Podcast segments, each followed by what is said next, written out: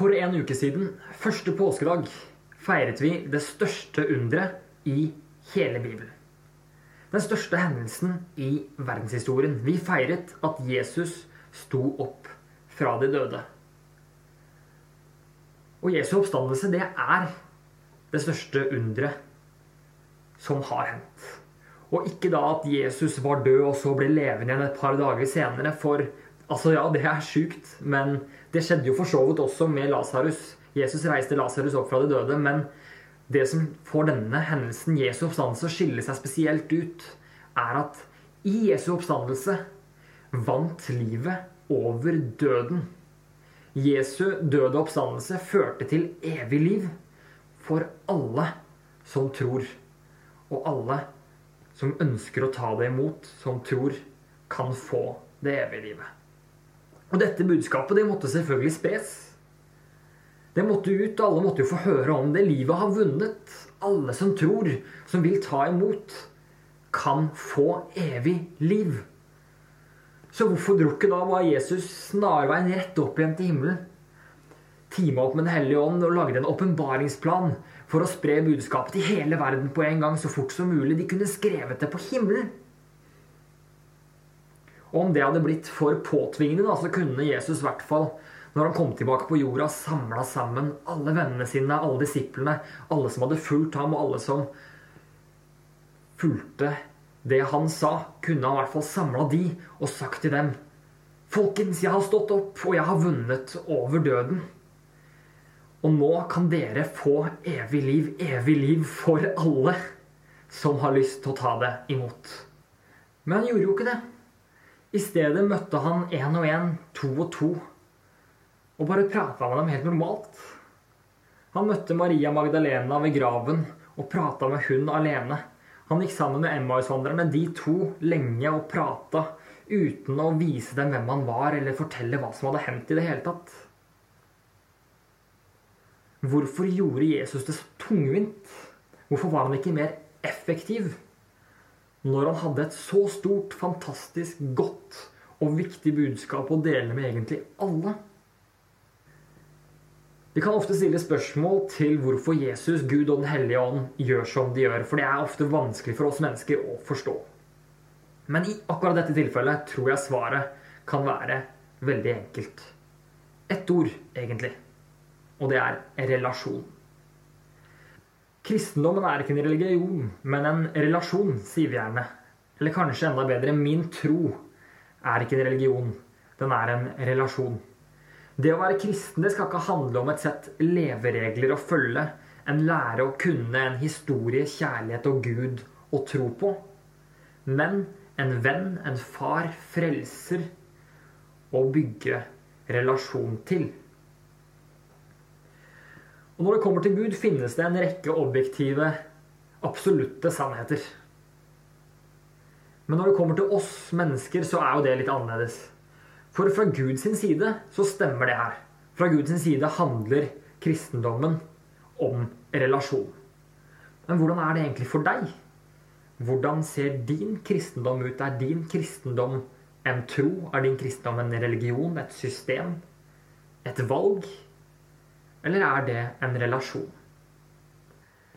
Dagens prekentekst forteller om et møte mellom Jesus og Peter etter oppstandelsen. I Johannes-evangeliet kapittel 21, fra vers 15, leser vi.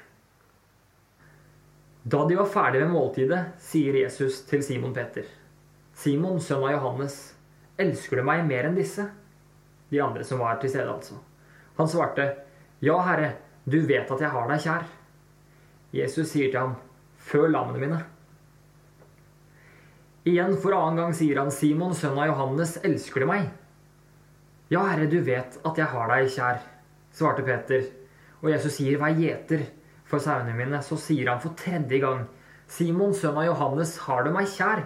Peter ble bedrøvet over at Jesus for tredje gang spurte om han hadde ham kjær. Og han sa, Herre, du vet alt, du vet at jeg har deg kjær. Jesus sier til ham, fø sauene mine. Peter ble bedrøvet over at Jesus for tredje gang spurte om han elsket Jesus.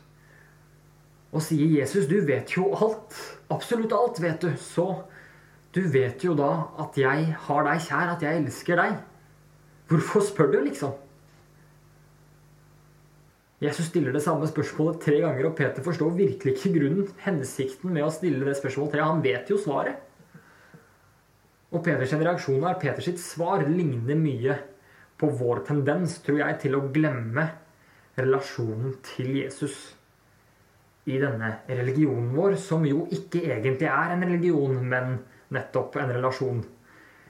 For det Peter sier her, er Gud, du vet jo alt. Så hvorfor gidder du å spørre? Hva er vitsen med at jeg skal svare når du vet svaret mitt fra før? På samme måte tenker vi, tror jeg, f.eks. Gud, du vet jo hva jeg trenger, så hvorfor skal jeg be? Gud, du er overalt, så hvorfor skal jeg dra til kirka for å møte deg? Guds nåde er større enn absolutt alt, så hvorfor egentlig bry seg om å følge regler eller bud? Gud, du er allmektig, så hvorfor skal jeg fra min side egentlig gjøre noe som helst? Og poenget er jo det at vi fort overlater alt til Gud. Fordi vi vet at vi i prinsippet kan. Fordi vi tror at han er stor og allmektig. For det har vi lært, og det er det vi tror. Og det er dette som er tro. Denne overgivelsen. Og det gjør Peter. Han tror. Og han vet at Gud er stor, og han vet at Gud vet alt. Men akkurat i det øyeblikket her, i sier Ser det ikke ut som at han skjønner at det Jesus er ute etter her, ikke stopper med en tro, men at han er ute etter en relasjon med Peter.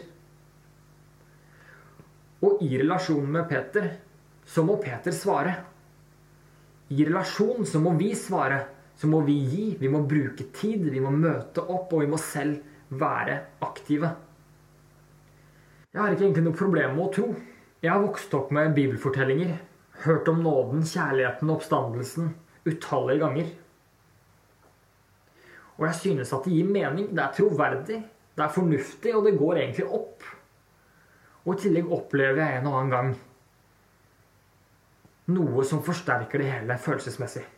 Så jeg tror på Gud, jeg tror på kjærligheten og på det evige livet. Men har jeg egentlig en relasjon til ham? Kjenner jeg Gud personlig? Altså, Han kjenner jo meg personlig, det vet jeg. Han kjenner meg på detaljnivå. Men hvordan er det fra min side? Har jeg en personlig relasjon til Gud?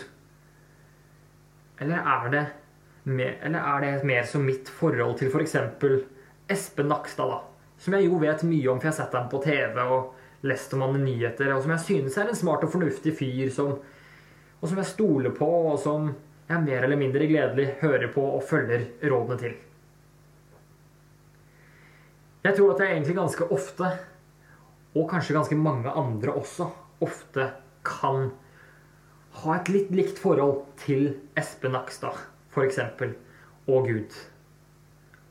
Jeg tror jo på dem begge. Jeg hører hva begge har å si, og prøver etter beste evne å følge det de sier, om, de sier og det de ber om.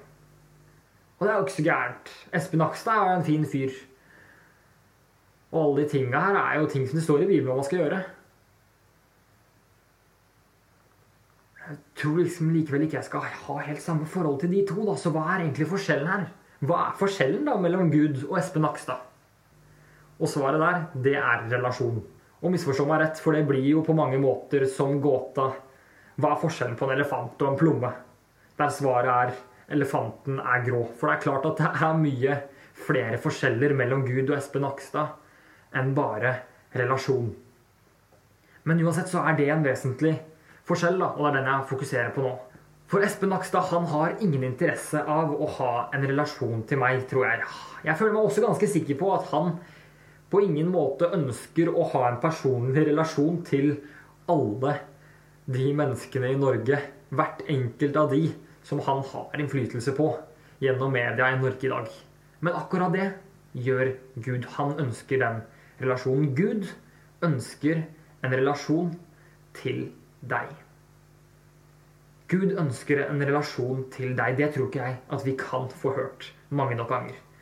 Gud ønsker en personlig relasjon til hver av oss. Et ulikt og unikt forhold til hvert eneste menneske. Og hvorfor er egentlig det så viktig for ham? Vi er jo frelst av nåde ved tro og kun det. Så hvorfor ønsker han egentlig en relasjon? Det finnes mange svar på det, og ett svar er at han elsker oss. Og vi kan se i filmer at folk som er glad i hverandre, kan si store ord og si at det eneste som betyr noe, er Det eneste som betyr noe for meg, er at du har det bra, er at du er lykkelig. Men det tror jeg sjelden er sant. Verken i virkeligheten eller i de filmene så er det den fulle og hele sannheten. For en helt naturlig del av kjærlighet En helt naturlig del, av det å elske noen er å ønske å ha et tett forhold, en nær og god relasjon til den personen. Som i et ekteskap eller mellom foreldre og barn. Det er en grunn til den relasjonen. En annen grunn som er veldig interessant, er at vi menneskene trenger den relasjonen. Vi trenger en relasjon til Gud. Nei, det stemmer jo ikke, for det er mange som lever vanlig liv helt uten å i det hele tatt kjenne Gud eller vite hvem han er kan du kanskje tenke, men vi er skapt til å ha en relasjon med Gud. Gud skapte oss fordi han elsker oss og ville ha en relasjon med oss, og vil det fortsatt i dag. Og vi trenger en relasjon til Gud fordi Gud er kjærlighet. Og den typen kjærlighet som Gud er, er ikke den samme typen kjærlighet som er mellom mennesker som vi kan oppleve til vanlig. Denne kjærligheten den kalles agape som betyr guddommelig og overnaturlig kjærlighet. Denne typen kjærlighet finner ikke noe annet sted enn hos Gud. Og den opplever vi faktisk ikke bare ved å tro eller ved å følge de ti bud og regler og de greiene der. Men gjennom relasjon til Gud, som er kjærlighet, kan vi oppleve Han, og derfor oppleve kjærlighet og da nettopp denne guddommelige kjærligheten. Som vi ikke finner noe annet sted. Og den kjærligheten, den tror jeg vi trenger. Og hvis du, eller når vi, tenker at vi ikke trenger den kjærligheten, hva skal jeg med den, liksom? Jeg har det egentlig ganske fint sånn som det er. Ja, da betyr det egentlig bare at vi ikke har opplevd den ennå. For den kjærligheten, overnaturlig, guddommelig kjærligheten, forandrer liv på en måte ingenting annet gjør. Derfor trenger vi en relasjon til Gud, og derfor ønsker han en relasjon til oss. Og Derfor brukte Jesus tid på å bygge relasjon etter han sto opp igjen. Når Jesus sto opp igjen, så seiret jo han over døden. Og da vant han ikke bare en overnaturlig kamp mot døden, som vi kunne tro på og si pent 'tusen hjertelig takk for at du vant den', så slipper jeg å ta den kampen. Men han slapp fri denne kjærligheten. Så vi gjennom relasjon til Gud, som er kjærlighet, kunne få oppleve Gud, og derfor oppleve kjærlighet. Og da denne agape-kjærligheten som forandrer liv. Og derfor gikk ikke Jesus bort til Peter og sa Hei, her er jeg. Jeg har stått opp igjen, og jeg har vunnet over døden, så du kan få evig liv hvis du vil ha det. Tommel opp. Men han spurte isteden Peter tre ganger om han elsket ham. Og Jesus skulle ha et svar fra Peter alle tre gangene. Ikke fordi Jesus ikke visste svaret eller måtte ha det inn med teskje, men fordi han visste at Peter trengte å si det selv høyt, ansikt i ansikt med Jesus, for å bryte ned hans egen personlige barriere som hadde kommet etter at han hadde fornekta Jesus tre ganger noen dager i forveien. Slik at han, Peter altså, kunne begynne å bygge opp en personlig, dyp og ekte, levende relasjon. Og sånn virkelig oppleve, og ikke bare tro på denne kjærligheten fra Jesus. Og nettopp pga. dette så ønsker jeg da, å ha en relasjon til Gud.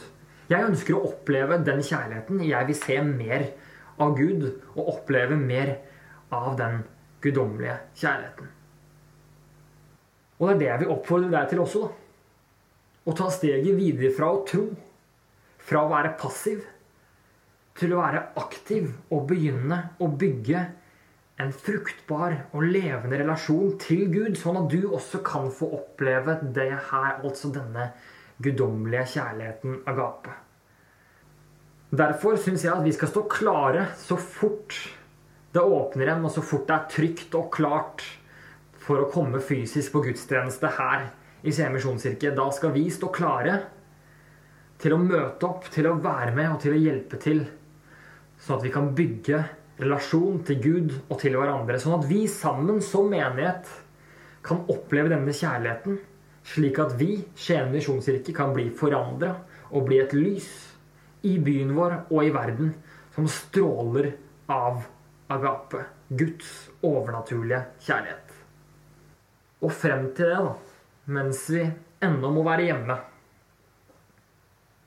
Pass på, pass på å ikke bli for passiv. Når alt gjøres fra sofaen eller hjemmekontoret, så blir vi fort passive. Men når du følger med på streaminggudstjeneste som nå, ikke la deg bli for passiv. Grip sjansen, følg med, vær med. Syng med under lovsangene. Vær med å be vår Far høyt. Responder på det som blir sagt. Og hvis noe av det her blir for unaturlig for deg foran TV-en der du sitter, foran telefonen eller hva det måtte være, så finn det som funker for deg. Vær aktiv. Om det er å be før du legger deg, om det er å lese i Bibelen på morgenen før jobbdagen starter, eller om det er å høre på lovsang og synge for full hals når du kjører bil alene, som jeg f.eks. gjør. Det kan være mye forskjellig, det kan se veldig forskjellig ut, men passivitet er uansett farlig. For det fører til at relasjoner dør. Det gjelder både relasjoner til andre mennesker og relasjonen til Gud. Så hold deg aktiv, og hold ut nå som det er vanskeligst. For sånn, og kun sånn, kan vi ha en relasjon til Gud som er kjærlighet så vi kan oppleve ham, og da også den guddommelige kjærligheten som vil forandre oss. La oss be. Kjære Gud, tusen takk for at du ønsker å ha relasjon med oss. Jeg tror at jeg trenger en relasjon til deg, Gud. Jeg tror at den kjærligheten du er, og den kjærligheten du har, er noe som kan forandre livet mitt og forandre livene til alle mennesker, Gud, som får oppleve den. Jeg ber om at du skal trekke meg inn i den kjærligheten. At du skal trekke meg inn i relasjonen til deg, sånn at jeg kan få bygge en relasjon med deg i hverdagen, i livet mitt, uansett hvordan det ser ut. Uansett hvordan livet til alle her ser ut. Gud, ber jeg om at du skal trekke oss inn i en relasjon til deg, sånn at vi kan få oppleve deg, oppleve kjærligheten som du er, og som du har, Gud. Sånn at vi kan bli forandra. Livene våre blir forandra, og vi som menighet blir forandra og blir et lys for byen, for landet og for verden, Gud. Amen.